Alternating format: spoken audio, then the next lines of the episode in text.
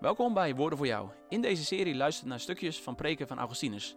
Afleveringen kun je bekijken via YouTube of beluisteren als podcast op Google Podcast, iTunes, Spotify of Soundcloud. Ik ben Geert de Korte en leuk dat je de moeite neemt om te kijken of te luisteren.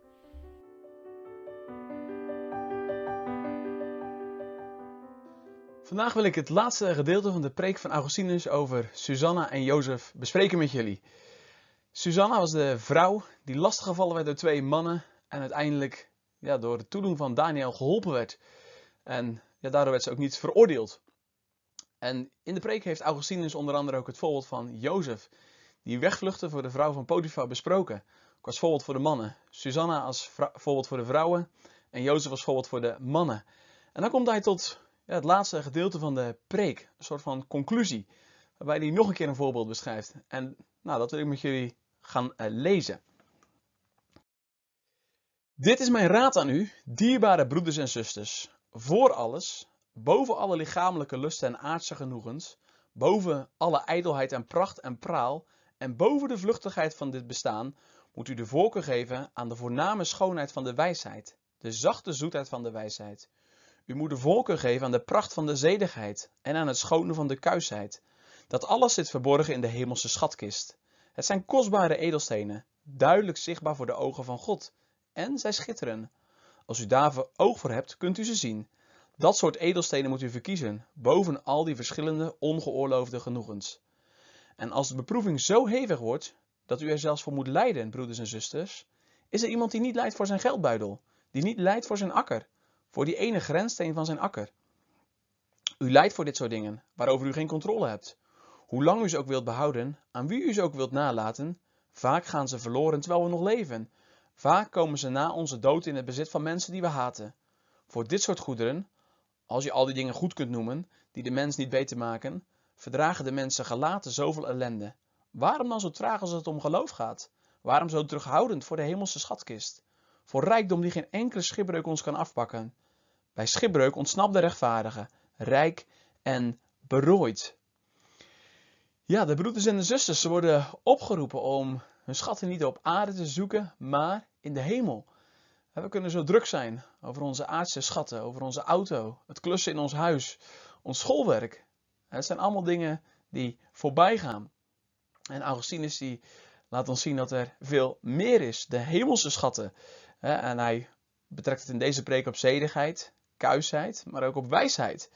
En juist daarop zouden we ons misschien wel meer moeten focussen. En hij stelt ook een hele kritische vraag richting onszelf. En waarom verdragen we zoveel voor aardse schatten? hoeveel, moeite kunnen mensen bijvoorbeeld niet doen om een huis te verbouwen? Kunnen ze tijden mee bezig zijn, helemaal ermee bezig. Terwijl, ja, je huis, op een gegeven moment verkoop je het en dan heb je niets meer. En dat is ook wat Augustinus ons voorhoudt. Er is zoveel meer. waarom zijn we dan zo traag voor het geloof? Stel eens dat we net zo ijverig als ons huis verbouwen, als we dezelfde ijver zouden hebben voor de hemelse schatkist, wat zou dat een zegen opleveren als we zo gefocust waren op de hemel? Zoals Paulus dat zegt, onze wandel is in de hemel, met Christus. En uh, ja, dat is echt een spiegel die Augustinus hier voorhoudt. En durf je ook in die spiegel te kijken. Van wat zijn de dingen die prioriteit in mijn leven hebben? waar leef ik nu eigenlijk voor? Is dat alleen het hier en het nu? Of zijn er meer dingen? Wat heb je eraan als je straks 6000 films hebt bekeken in je leven en je kent Christus niet? waarom zo traag voor het geloof? Dat is de vraag die Augustinus ons hier eh, stelt. Nou, dan gaat hij vervolgens eh, verder met het voorbeeld van Job. Van dat soort rijkdom had Job een overvloed. Alles ging in één klap verloren. Er was in zijn huis niets overgebleven van alles waaraan hij kort daarvoor nog zo'n overvloed leek te hebben. Ineens was hij een bedelaar. Van boven tot onder zat hij in de drek, overdekt met wormen. Wat is ellendiger dan die ellenden? Wat is gelukkiger dan innerlijk geluk? Alles had hij verloren wat God hem gegeven had. Maar hij bezat hem die alles gegeven had. God zelf. En hij zei, naakt ben ik uit de schoot van mijn moeder gekomen, en naakt zal ik in de aarde terugkeren. De Heer heeft gegeven, de Heer heeft genomen. Het gebeurde zoals de Heer het wilde. De naam van de Heer zij geprezen. Is hij werkelijk arm? Bezit hij werkelijk niets? Als hij niets meer had, uit welke schatkist kwamen dan die edelstenen tevoorschijn? Zijn lofzang op God. Daarna werd hij beproefd tot op het bot. Alles had de verleider hem afgepakt. Maar zijn vrouw had, hem maar zijn vrouw had hij hem gelaten om hem te beproeven. Eva stuurde hij weg, maar hij was geen Adam. Wie bleek hij te zijn op dat moment? Hoe antwoordde hij zijn vrouw toen zij hem insinueerde God te lasteren? Hij zei: Haar woorden zijn als de woorden van een van die dwaze vrouwen. Al het goede aanvaarden we van God. Zouden we dan het kwade niet aanvaarden? Wat een man, half vergaan en nog heel, lelijk en mooi, gewond en gezond, zittend in de drek, heersend in de hemel. Als wij van hem houden, laten we hem dan navolgen. Het voorbeeld van Job, een prachtig voorbeeld, en dan wordt hij ook geschilderd hier door Augustinus.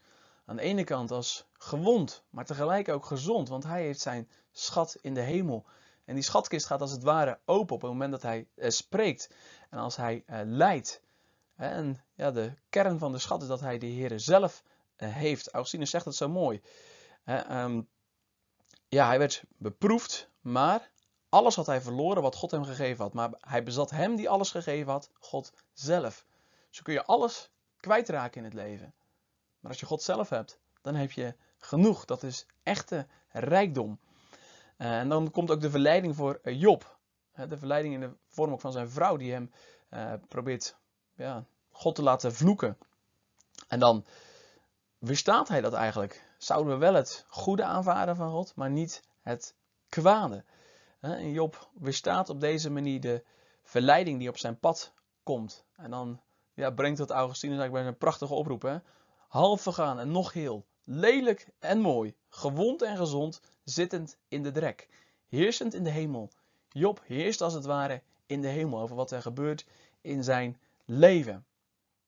Ik wil nu het laatste stuk lezen van de preek van Augustinus.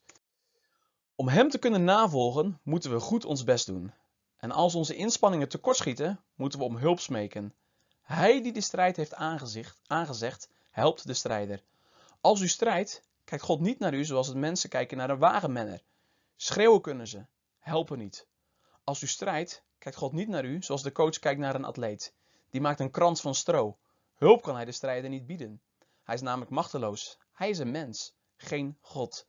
En terwijl hij zit te kijken, leidt hij door daar te zitten, misschien nog meer dan de ander door te vechten. Maar als God naar zijn strijders kijkt, helpt hij hen als ze hem roepen. De stem van zijn atleet horen we in de psalm. Toen ik dacht, mijn voet glijdt weg, hield u, uw trouw, mij staande, heren. Laten we dus niet lui zijn, broeders en zusters. Laten we vragen, zoeken, aankloppen. Want wie vraagt, ontvangt. Wie zoekt, vindt. En voor wie klopt, zal worden opengedaan. Ja, misschien heb je tijdens het luisteren naar de volgende aflevering wel eens gedacht: ja, hoe kan het nou? Staande blijven in al die verleidingen, ook op seksueel terrein. Misschien werd je er wel een beetje moedeloos van. Dat zou zomaar het gevoel kunnen zijn. Als je hoort hoe Augustinus oproept tot, tot kuisheid. dan denk ik aan een jongen die misschien wel porno kijkt, terwijl hij het eigenlijk helemaal niet wil, dat tegen probeert te strijden. Of een vader die voor de zoveelste keer een verkeerde website aanklikt, terwijl zijn geweten zegt dat hij het niet moet doen. Of een meisje wat worstelt met zelfbevrediging en daar niet los van kan komen. Ja, dan kun je je misschien heel eenzaam voelen en alleen. En Augustinus, die laat dan zien inderdaad, je staat niet alleen. Hij gebruikt er twee voorbeelden van mensen die juist wel alleen staan. Een wagenmenner, en dan moet je denken aan zo'n strijdwagen in zo'n circus waar ze vroeger uh, rondrenden. En ja, zo'n wagenmenner die werd aangemoedigd door het volk, door de mensen eromheen. Maar uiteindelijk moest hij het wel echt zelf doen. Hetzelfde geldt voor een topsporter, een atleet. Zo'n atleet, ja, die kan luisteren naar zijn coach, maar de coach kan hem verder niet helpen. En misschien heeft die coach soms nog wel moeilijker dan degene die zelf moet vechten. Maar die staan allemaal aan de zijkant, dus ze kunnen je niet helpen. Maar God, als je strijdt, die kan je wel helpen. Hij helpt als je tot hem roept.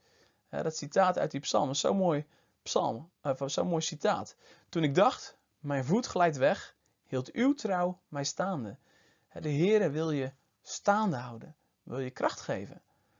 En daarom zou ik je ook willen uh, zeggen, als je worstelt met bepaalde zonden, en misschien wel uh, seksuele zonden, uh, dan mag je dat bij de Heere brengen. Dan mag je bidden. Dat zou ook mijn eerste ja, tip zijn, zou ik zeggen.